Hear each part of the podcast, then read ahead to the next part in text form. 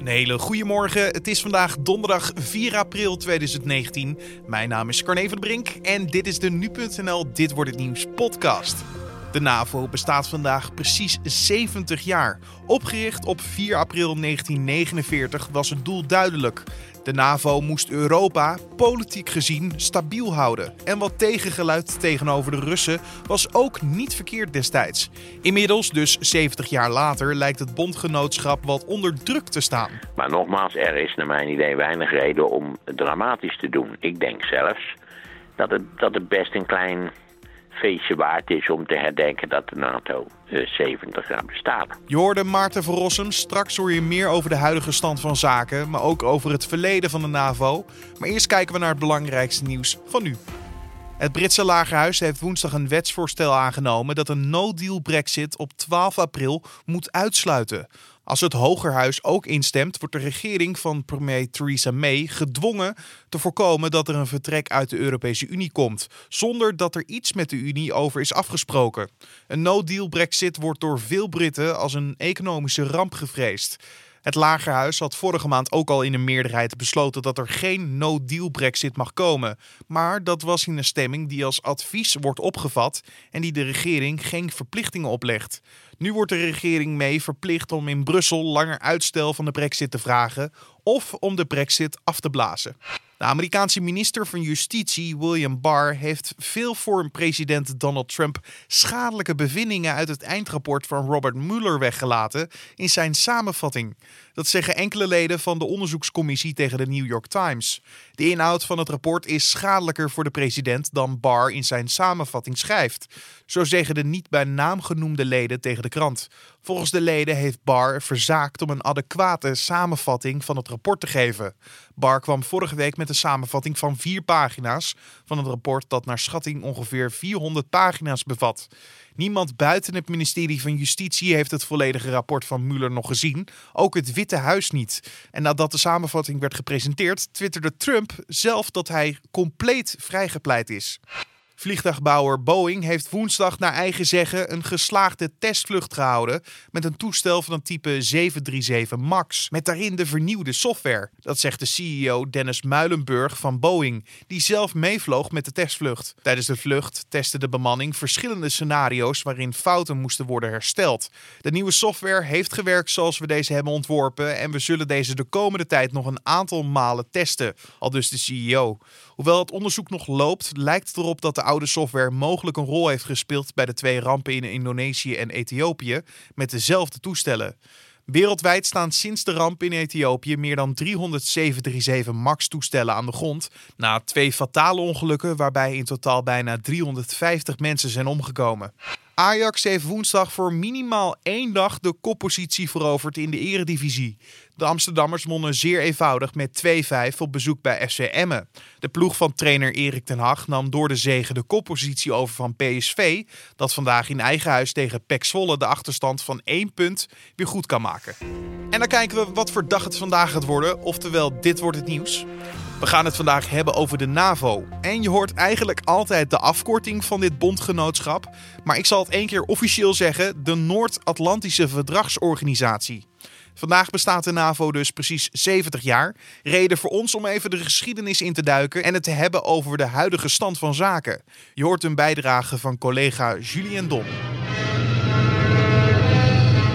On April 4, 1949, the North Atlantic Treaty was signed.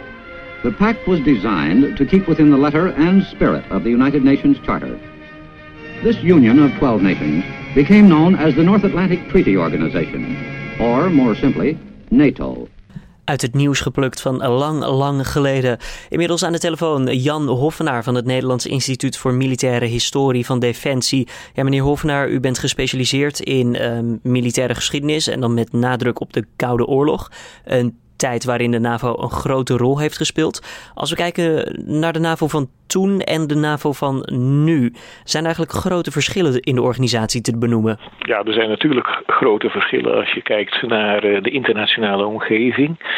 Destijds is de NAVO uh, opgericht omdat uh, er in het Westen, zal ik maar zeggen, gedacht werd dat er een, ja, een, een, een, grote dreiging voor de deur stond. Een dreiging uit Rusland, uit de Sovjet-Unie. heden ten dagen is ja, die, die dreiging, die acute dreiging, natuurlijk uh, ja, weggevallen.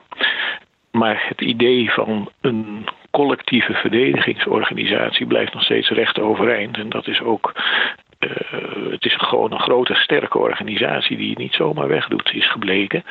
Nou ja, goed, in de huidige tijd weten we, is ook die uh, collectieve verdediging weer meer onder de aandacht gekomen. En vooral een grote organisatie, zegt u. De NAVO is flink gegroeid sinds de oprichting. Ging dat eigenlijk zonder problemen? Nou ja, in zijn algemeenheid wel. Uh, een, een, er waren natuurlijk wel een paar hobbels die er genomen moesten worden. Ja, een probleem, als je het zo kan zeggen, uh, was de toetreding van de Bondsrepubliek uh, Duitsland. Waar eigenlijk iedereen uh, achter stond. Want ja, de Duitsers die waren gewoon keihard nodig. Voor, omdat het gewoon een groot land was. En omdat ze veel militairen hadden. En omdat ze gewoon bij het Westen wilden horen. Maar ja, het was natuurlijk toch wel erg ja, vlak na de Tweede Wereldoorlog. En ja, dat heeft wel wat discussie losgemaakt, maar niet heel erg groot, moet ik zeggen. Tijdens de Koude Oorlog heeft uh, het bondgenootschap een echt grote rol gespeeld. Is dat belang van de NAVO na die Koude Oorlog eigenlijk ja, afgenomen of misschien zelfs verdwenen? Nou, verdwenen is het uh, zeker niet. Uh, tijdens de Koude Oorlog ja, was er eigenlijk geen ander frame, zoals we dat tegenwoordig uh, zeggen. je had het Westen militair georganiseerd in de NAVO en het Oosten, onder leiding van de Sovjet-Unie, de communisten, georganiseerd, militair georganiseerd in het Warschau-pact. Nu is, ja, die, die dreiging is weg. Het Warschau-pact is zelfs uh, verdwenen. Uh, snel na het einde van de Koude Oorlog in begin jaren negentig. Toen dus de, de Berlijnse muur viel en, en dergelijke zaken meer. Maar ja, het hebben van zo'n, wat ik eerder ook al zei, zo'n grote, goed georganiseerde organisatie met alle structuren, doctrines, procedures, et cetera, et cetera. Ja, dat doe je niet zomaar weg. En er is bovendien nog steeds alle reden om ja, toch ook oog te blijven houden voor de collectieve verdediging. En ja, die organisatie heb je al, dat is de NAVO. Dank u wel, Jan Hovenaar van het Nederlands Instituut voor Militaire Historie van Defensie. En dan van een kijkje naar de historie gaan we naar ja, wat de toekomst uh, wel mogelijk te brengen heeft. Aan de telefoon hangt Maarten van Rossum.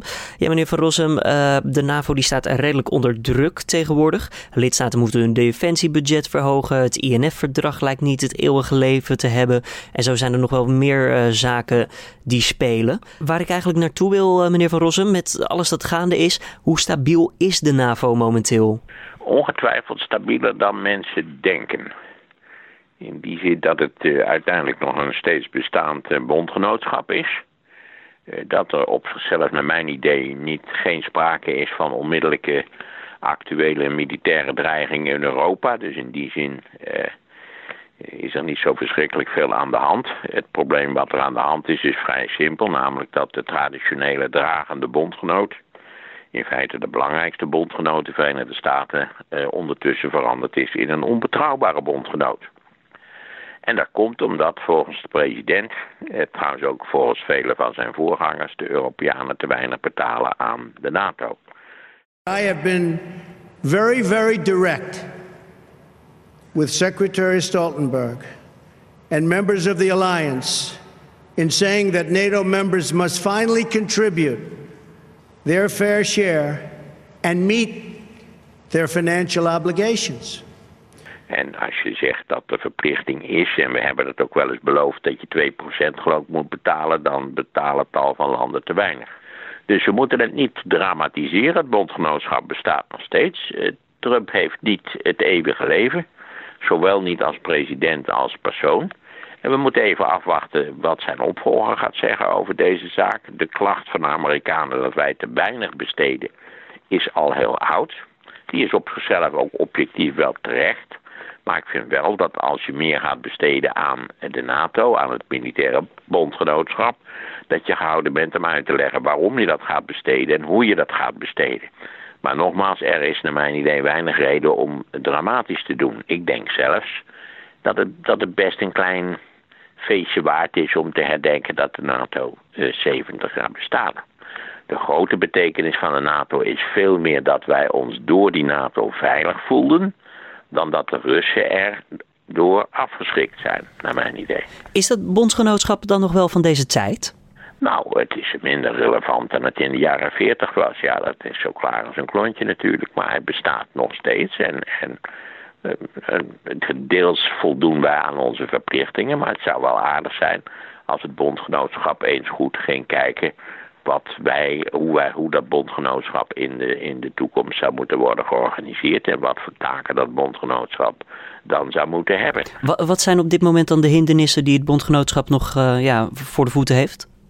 Nou, de, meeste groot, de grootste hindernis is natuurlijk het wantrouwen wat gecreëerd is tussen de Europese NATO-bondgenoten en, en de Verenigde Staten. Dat, dat lijkt mij op dit moment de grootste drempel voor de NATO. En daarom zou ik zeggen, laten we eens even afwachten wat er gaat in Amerika gaat gebeuren als Trump verdwijnt en een nieuwe president komt.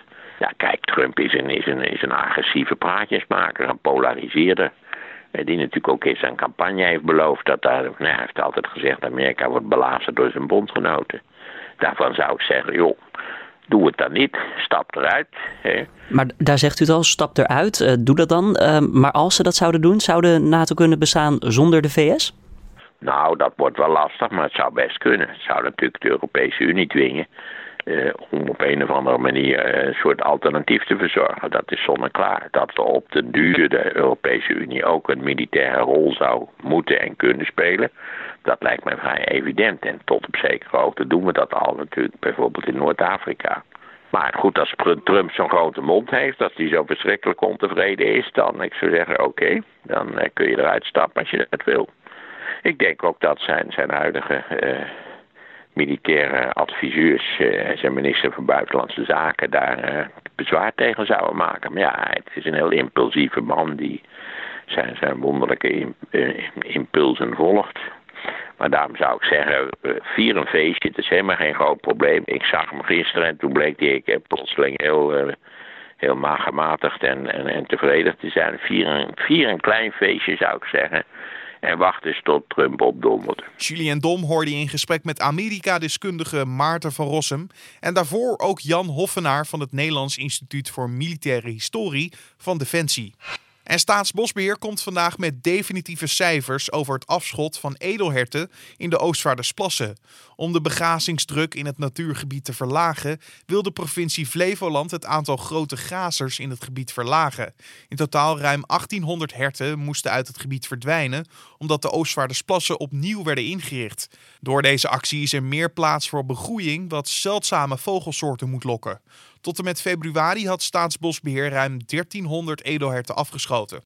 En het proces tegen de hoofdverdachte van de schietpartij op 15 maart bij twee moskeeën in Christchurch, Nieuw-Zeeland begint vandaag. En de verdachte is verplicht vandaag te verschijnen voor de rechtbank. En dan kijken we nog even naar het weer. Op heel veel plaatsen heeft de bewolking de overhand. Vooral in het noordoosten kan nog wat regen vallen. Maar naar het zuidwesten blijft het overwegend droog en is de bewolking ook dunner. Dan kan zelfs een klein zonnetje doorbreken. Bij weinig wind wordt het 9 tot 11 graden. En om af te sluiten nog even dit.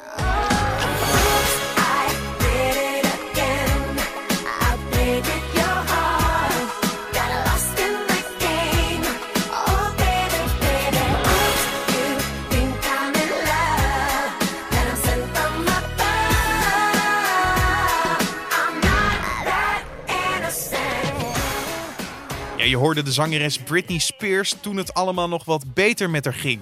Want de zangeres heeft zich laten opnemen in een psychiatrisch ziekenhuis. Zo meldt de site TMZ woensdag. Britney zou het erg moeilijk hebben met de slechte gezondheid van haar vader Jamie. De zangeres annuleerde onlangs nog haar nieuwe concertreeks in Las Vegas om voor haar vader te zorgen. Jamie Spears onderging onlangs twee operaties om ernstige problemen met zijn dikke darm op te lossen. Maar na de tweede operatie kreeg hij last van complicaties. Britney Spears had in het verleden veel steun van hem toen ze psychisch een moeilijke periode doormaakte. Sinds het officieel bekend is dat de zangeres leidt aan een bipolaire stoornis, staat ze onder officieel toezicht van haar vader. Laten we hopen dat het binnenkort beter zal gaan met de zangeres en natuurlijk ook met haar vader. En hierbij sluiten we de podcast weer af voor deze 4 april. Je vindt de podcast natuurlijk elke maandag tot en met vrijdag om 6 uur ochtends op de voorpagina van nu.nl. Maar je vindt hem natuurlijk ook gewoon elke ochtend om 6 uur ochtends in je favoriete podcast-app. Dus mocht je nog niet geabonneerd zijn, abonneer je gelijk. Het kost niks en zo krijg je elke ochtend een nieuwe aflevering. Je kan ons laten weten ook wat je van deze podcast vindt via een mailtje naar podcast.nu.nl of een recensie in iTunes. Mijn naam is Carne van der Brink. Ik wens je voor nu een hele fijne donderdag en tot morgen.